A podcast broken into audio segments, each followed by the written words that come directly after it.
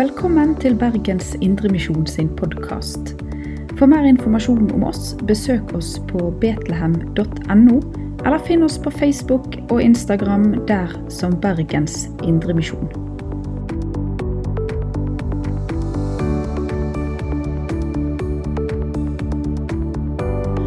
Ja.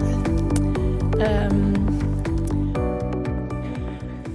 her i eh, Betlehem så ehm, har vi tatt på oss et ansvar for noen av ehm, de forfulgte i denne verden. Og vi, har, ehm, vi ønsker å ta ansvar Det er veldig mange forfulgte i verden i dag, så vi ønsker å ta ansvar spesielt for tre land de kristne forfulgte i tre land. Og det er Kina, det er Nigeria, og det er Iran. I dag skal vi snakke om Iran, og la oss be. Herre Jesus, vi takker deg for det at um, vi skal få snakke sammen i dag om um, de som lider for ditt navns skyld. Vi ber deg, Herre, at du må få gi meg det du ser at jeg trenger til for å snakke sant og rett om Iran. Og vi ber deg at du må få legge inn i våre hjerter det du vil at vi skal ta med oss hjem i dag. La det alt bli til di ære. Vi ber i Jesu navn. Amen. Iran er et, en sjiamuslimsk republikk. Og det er 86 millioner mennesker. Mellom 90 og 95% av disse 86 millioner er sjiamuslimer. Og så er det òg sunni-islam. Den finnes i noen minoritetsgrupper. Og det er òg noen religiøse minoriteter i Iran. Det som jeg skal begynne med å si, det er at kirka i Iran er den mest forfulgte og den blant de aller mest forfulgte kirkene i verden. Før revolusjonen i 1979 så var det ca. 500 kristne som hadde da konvertert fra islam. Og i dag så regner vi med at det er ca. to millioner kristne. Og hver dag så er det stadig nye mennesker som begynner å tro på Jesus i Iran. Den kristne kirka i Iran har vokst seg så stor at de iranske myndighetene ser på kristne konvertitter som en konstant trussel imot den islamske identiteten til Iran. Og den iranske regimet de, de er fast bestemt på å knuse den kristne kirka. Men jo mer de prøver å gjøre dette, til mer vokser kirka. Vi skal se litt på det etter hvert i dag. Men først så skal vi ta et um, blikk på verden. Det brune feltet her på dette kartet over verden, det er det som vi kaller for 1040-vinduet. 1040-vinduet det er det området i verden, eller dette området her, det ligger mellom den 10. og 40. breddegrad. Og det markerer det området som vi ser på som der det bor de folkene som er minst nådde med evangeliet. Du kan se litt på dette kartet hva land dette vil inkludere. Og eh, i stor grad så er det òg eh, store religioner som ligger i dette området, slik som islam, buddhisme og hinduisme.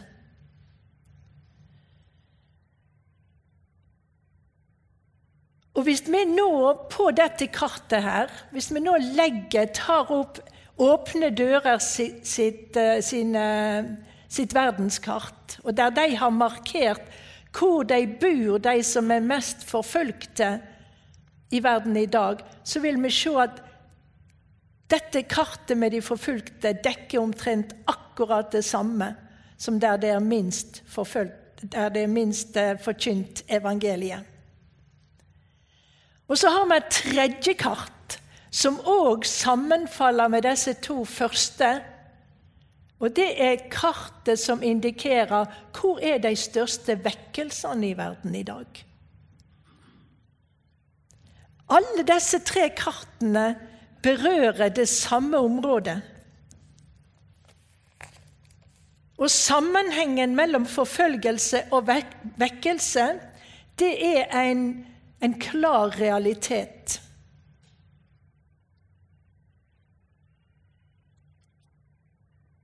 Land med forfølgelse har høy kirkevekst. Og Iran er et sterkt eksempel på det. Er dere klar over det at um, Iran har prosentvis den største kirkeveksten i verden?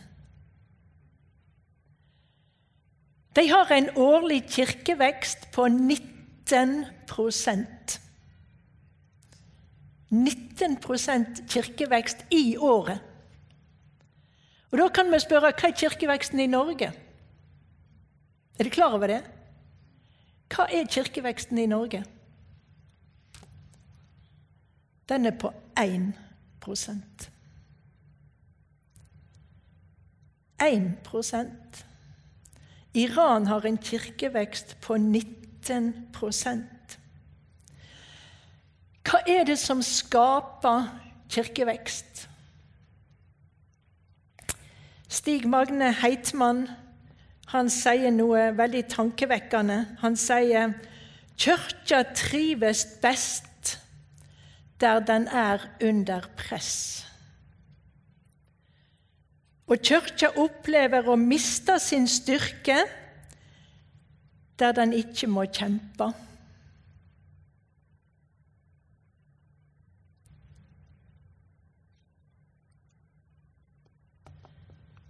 De kristne i Iran de kjemper hardt.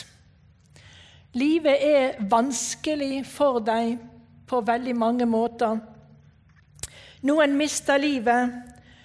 Noen blir fratatt sitt levebrød eller sin studieplass. Familier blir revnet i stykker. Og mange merker, blir merka for livet, både fysisk og psykisk. Etter tortur og lidelse, lidelse som de blir påført. Vi kan si at det er en ondskapsfull kamp som blir utkjempa i Iran. Faktisk akkurat nå, mens vi sitter her, fredelige sammen på ei gudstjeneste i Betlehem. Og Målet for myndighetene det er å arrestere og fengsle prester og evangelister og spre frykt og mismot blant de kristne. Resultatet av denne strategien som de har, den har faktisk en helt annen virkning enn de sjøl tror. Saken er faktisk den at um, når muslimene ser på den tapre kampen som de kristne kjemper, at de holder ut at de holder fast på trua sjøl under lidelse, så begynner muslimene å si hva er det? Hva er det de har? Hva er det de kristne har som får dem til å holde ut? Hvorfor gir de ikke opp? Og så blir de nysgjerrige. Og så de, blir de åpne, og så vil de vite hva er det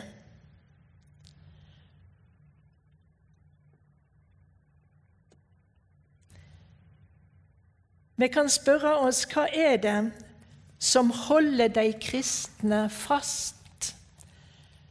Hva gjør det? Hva er det som gjør at de holder fast på trua, sjøl under slike forhold? Hva er det? Jeg ønsker vi skal lese fra Romerbrevet 8, fra vers 35. Og der står det Hvem kan skilje oss fra Guds kjærlighet og fra Kristi kjærlighet. Nau eller angst, forfølging eller svolt, å stå naken eller i fare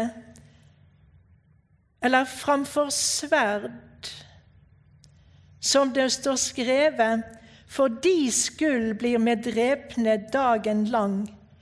Vi blir regna som slaktesauer. Men men i alt dette vinner vi mer enn siger ved Han som elsker oss. For jeg er viss på verken død eller liv, verken engler eller krefter, verken det som nå er eller det som kommer skal, eller noe makt, verken det som er i det høye eller i det djupe, eller noen annen skapning, skal kunne skilje oss fra Guds kjærleik i Kristus Jesus, vår Herre. Det finnes ingen sterkere makt enn Guds kjærlighet.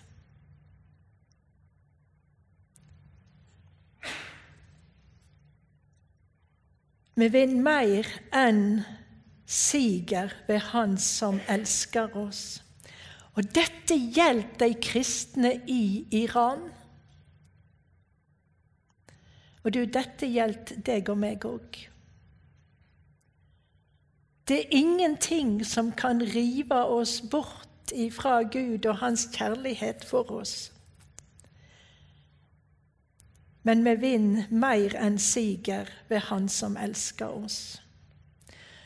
Og Paulus han taler om dette, hva det vil koste, og hva det kan koste å være Guds medarbeider.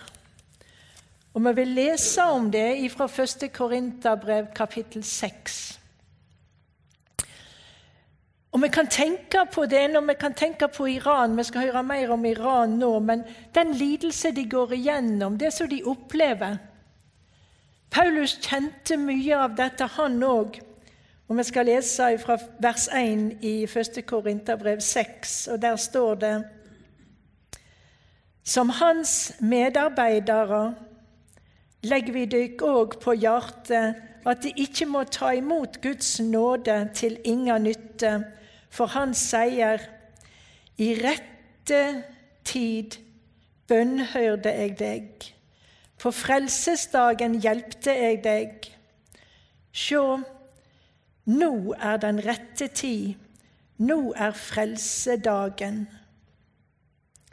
Og så sier han, vi gjev ikke mennesket noen grunn til å bli støtte bort, så tjenester ikke skal bli spotta. Nei, i alt står vi fram som Guds tjener, med stort tålmod i motgang, nau og angst, under slag, i fengsel og i opptøyer, i hardt arbeid, i nattevaking og svolt. Med reinleik og visdom går vi fram, med tålmod og godleik i Den heilage ande, med kjærleik uten svik, med sanningsord og i Guds kraft, med rettferdsvåpen i høyre og venstre hånd. Og vi får ære, om vi får ære eller vanære, om folk taler vondt eller vel om oss. De sier at vi fører folk vill, men vi taler sant. Vi er ukjente, men velkjente. Vi er døyende, og sjå, vi lever. Vi blir slegne, men ikke i helslegne. Og så sier han, vi sørger, men er alltid glade. Vi er fattige, men gjør mange rike. Vi har ingenting, men eig alt. Dette beskriver litt av den kampen disse vitnene òg i Iran står i til daglig, i kampen mot styresmaktene som vil ta knekken på dem, som vil slette dem ut.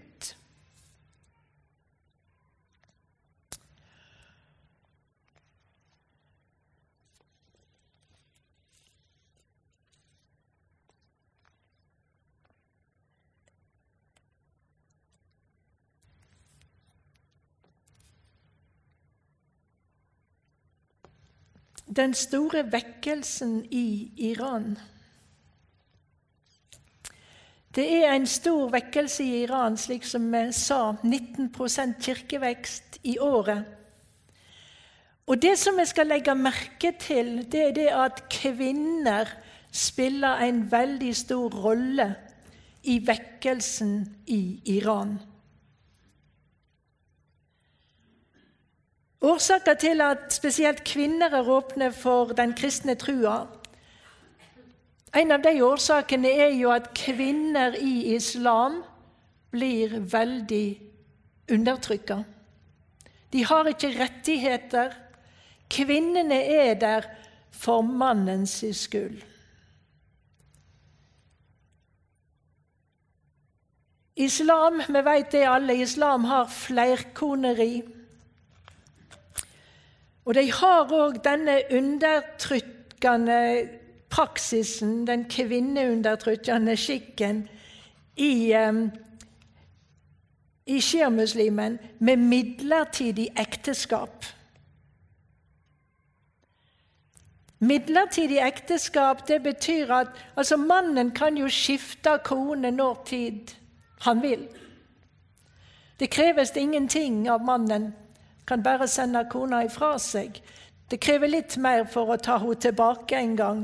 Men de har en ordning med den, dette som kaller mid, ekteskap Nei, dette som kaller midlertidig um, Må se om jeg finner det. Uh, midlertidig ekteskap. Midlertidig ekteskap er noe som de har i den sjiamuslimske trua. Og Det betyr at en mann og en kvinne kan gå inn på en ekteskapskontrakt som varer ifra én time til 99 år. Alt på mannen sine premisser. Kvinner Når de får høre evangeliet i Iran og i andre muslimske land, de tar imot. Fordi at de møter en Gud som gir verdi også til kvinner.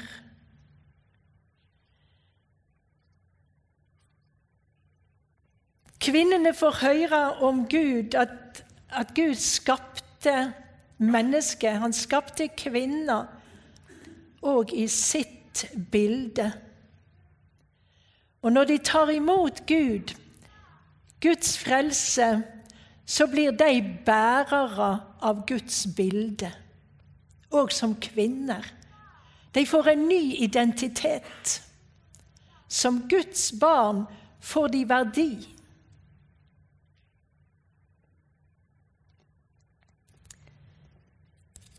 Vi ser dette i evangeliene, og Jesus viste igjen og igjen at han gav kvinner verdi.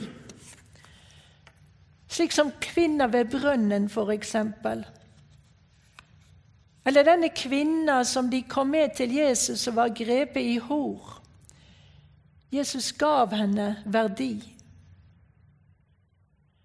Og det samme er det Gud gjør og evangeliet gjør i dag til islamske kvinner. Og Derfor er det kvinnene som bærer vekkelsen utover Iran.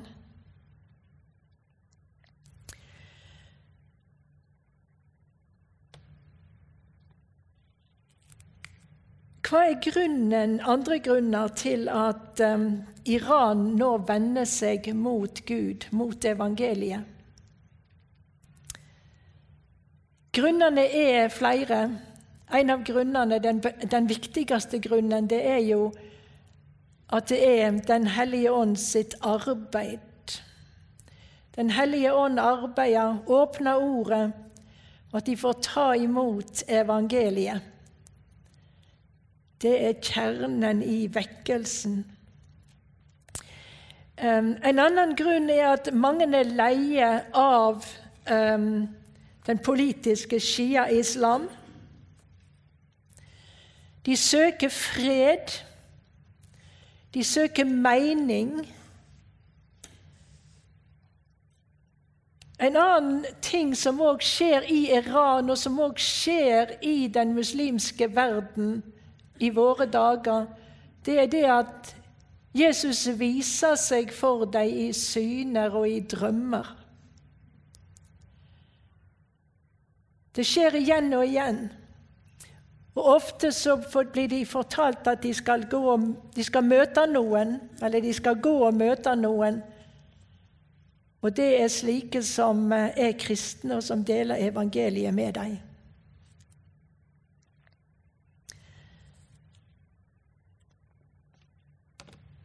Og mange, det er veldig mange som vitner om at etter de fikk denne drømmen, denne visjonen, så fikk de ta imot evangeliet, både de sjøl og familien. En annen ting som vi òg eh, er veldig glad for, det er det at um, mange de um, blir kjent med evangeliet gjennom sosiale medier. Eh, det sies det at Iran har flest internettbrukere i Midtøsten. Og det er mange radio- og TV-stasjoner Det begynte med radiostasjoner, men nå er det mer TV-stasjoner som sender program til Iran. Og de lytter. De kan ikke samles. Det er veldig få kirker som er åpne i uh, Iran. De møtes i uh, skjul, i undergrunnsmenigheter, husmenigheter. Men, men mange av disse eh, TV-satellittsendingene som nå blir, kommer og som blir når til Iran, de har òg masse opplæring. De har òg kirkefellesskap på nettet, slik at folk kan, kan, være med i et fellesskap på nettet når ikke det er mulig å møtes med andre kristne. En som har gjort veldig mye for dette, er denne karen her som heter Hormos Shariat født i 1955 som en sjiamuslim i Iran. Han eh, vokste opp med, med islam. Som, som, veldig ung, faktisk som en guttunge, så fulgte han islam veldig, veldig eh, nøyaktig, sånn som en, en gutt skulle gjøre, som en, en, en, en fra i islam skulle gjøre. Men han fant ikke noe mening, selv som, som liten gutt. Han fant ikke noe mening. Det var ingenting som kunne være til hjelp i hans praktiske gutteliv, så han gav opp. Og Så kom da revolusjonen i 1979, 78-79 og på den tida. Og Da var han og kona han var gift da med ei amerikansk kvinne som hadde kommet til Iran, og som for arbeider der. Og hun var konvertert til islam. Og De var da sammen under revolusjonen ute i gatene og demonstrerte og ropte 'død over sjahen' og 'død over Amerika'. Etterpå så flytta de til USA fordi at um, de hadde fått um, studieplass. Shariat hadde funnet, funnet, fått en studieplass der. Og de hadde et veldig komfortabelt og veldig godt liv i USA. Men for Shariat så opplevde han at det var noe som mangla i hans liv. Og så tenkte han på islam. Han var borte fra islam, og han, han visste med seg sjøl at, at um, han nå ignorerte alt som hadde med islam å gjøre. Han hadde glemt Allah. Så han tenkte at han måtte søke tilbake til islam. Så han satte i gang å lese, og han eh, holdt på å lese Koranen i tre måneder. Og når han var ferdig, så opplevde han det at det var ikke noe hjelp. Det var ikke noe praktisk hjelp i livet hans. Det var, fremdeles var livet hans tomt. Han visste om Bibelen, men han hadde ikke noe tro på Bibelen men tenkte jeg skal lese Bibelen fort igjennom bare for å ha gjort det. Jeg kan si det, jeg har lest Bibelen, og jeg vet at det er ikke noe med det. Så han bestemte seg for å lese Bibelen på tre dager. Han skulle bruke 12-14 timer om dagen og bare lese igjennom. Og han kjøpte seg en bibel og begynte å lese. Begynte på første Mosebok, leste første Mosebok. Og så hopper han over til Matteusevangeliet. Og så um, begynte han å lese der. Tre måneder seinere var ikke han kommet lenger eller til bergpreika. Bergpreika leste han og leste han. Det var så mange ting han ikke kunne forstå i bergpreika. Det var ikke, det var ikke logisk, det som ble sagt der. Og han strevde, men han kunne ikke slippe det på grunn av Jesus. Altså, Jesus hadde begynt å arbeide sånn i hans liv at han, han opplevde Det er noe han sier her som det er sannhet i. Det er en sannhet her. Så han fortsetter å lese. Og så um, Kona var i arbeid, og så kom hun hjem en dag at hun sa at vaktmesteren der hun arbeidet, han hadde invitert henne til å være med på et møte i ei kirke. Så hun sa det til mannen til Shariat. Så sa han OK, la oss gå. Og de gikk på det møtet. Og det første møtet de var på, så tok kona imot evangeliet. De fortsatte å gå på møtet, og to uker etterpå så tok Shariat imot evangeliet. Og han sa, når jeg fikk ta imot evangeliet, når jeg sa ja til Gud så ble jeg fylt av en enorm fred og glede. Jeg hadde aldri i mitt liv opplevd en sånn fred og glede som Gud gav meg. Og ganske fort etter han fikk oppleve dette, så, så måtte han bare dele dette med andre fra Iran.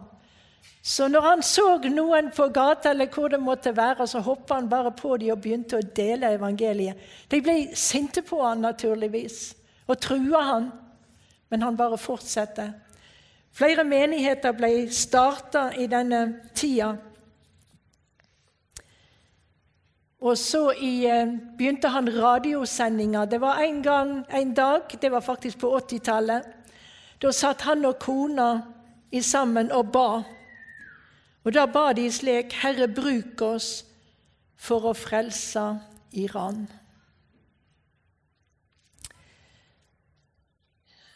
Men så skjedde det noe som ble veldig vanskelig for Shariat.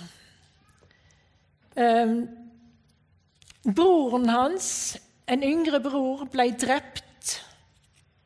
Han hadde blitt arrestert for en veldig liten eh, en lite brudd på noen lover i Iran. Veldig små ting. Så ble han satt i fengsel. Han satt i fengsel i to år. Han var 16 år når han ble tatt. Når han ble 18 år, så drepte de han. Da ringte de opp mora til denne gutten og sa du må komme og hente liket av din sønn. Når de kom til oss, så sa de vi brukte tre kuler for å drepe han, og du må betale for de kulene. De kulene som drepte din sønn. Hun fikk ikke liket før hun hadde betalt for de kulene. Shariat, når han hørte dette, han ble så sint. Han ble opprørt. Og han tenkte 'Dette skal jeg hevne'. Dette skal jeg hevne. Men så talte Gud til ham, og Gud sa til at den beste måten for å respondere på denne tragedien, tragedien her, det er å vie ditt liv til um, å dele evangeliet med folket i Iran. Og slik ble det. De begynte først med radiosendinger. I 2001 begynte de med Iran Alive, der de sendte kristne programmer og opplæring 24 timer i døgnet hver dag i veka. Og det fortsetter de med. Mange blir kristne. Mange får tro på Jesus. Fordi det er slik som Paulus sier i Romerne 1, 16, evangeliet er ei Guds kraft til frelse for alle som tror. Og så kan vi spørre Hva kan vi gjøre for Iran?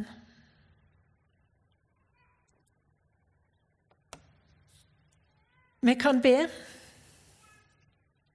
Vi kan være med i den åndskampen som de kristne i Iran står i.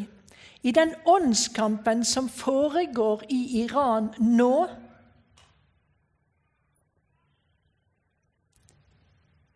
Der myndighetene vil ødelegge kirka, der de kristne kjemper der de fortsetter å dele sin tru. Vi kan stå sammen med de kristne i Iran i kampen.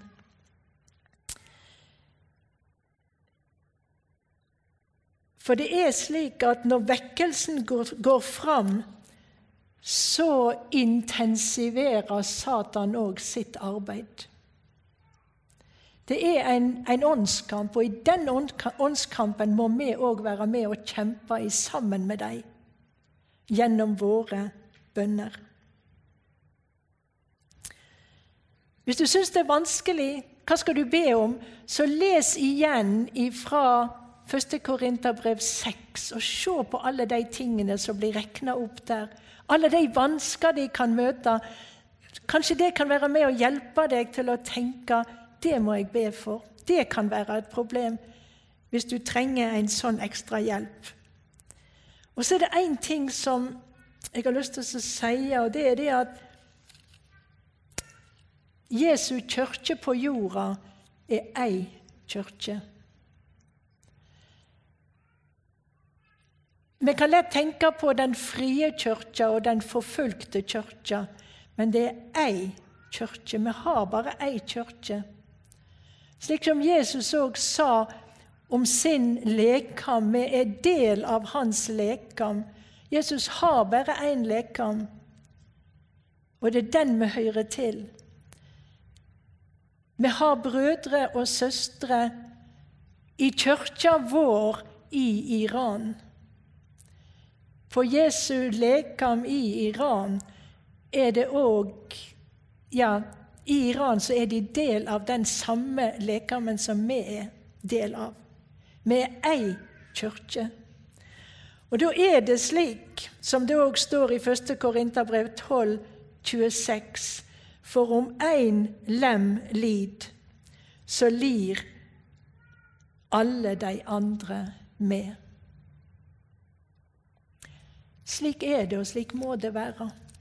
Og derfor er, Du veit hvordan det er, sjøl for en selv om du, du får en lite, lite, problem med en finger, en betennelse i en finger, så vet du at hele, hele deg blir ganske sett ut.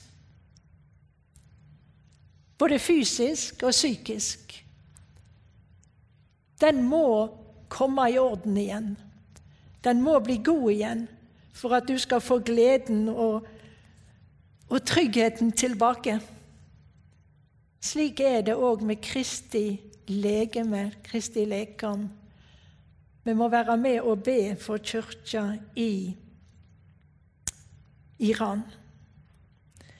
Det står det, Jeg leste det siste jeg hadde Jeg sa noe her òg, men jeg leste igjen i Hebreerne 13,3. Kom i hug de som sitter i fengsel, som om det satt i lenker sammen med dei. Og tenk på de som blir mishandla, som om det gjaldt dykkar egen kropp.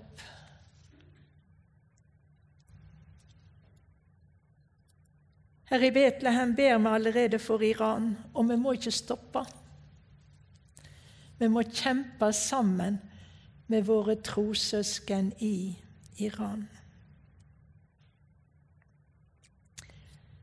Og så kan vi be for Iran og for oss sjøl, og vi ber og vi sier Hellig Ånd med lys og makt, ett med Faderen og Sønnen. Kom, som Jesus selv har sagt. Styrk oss troen, håpet, bønnen. Fyll hver fattig sjel som tror, med den kraft som i deg bor. Amen. Du har lytta til Bergens Indremisjon sin podkast. For mer informasjon om oss, besøk oss på betlehem.no, eller finn oss på Facebook og Instagram der som Bergens Indremisjon.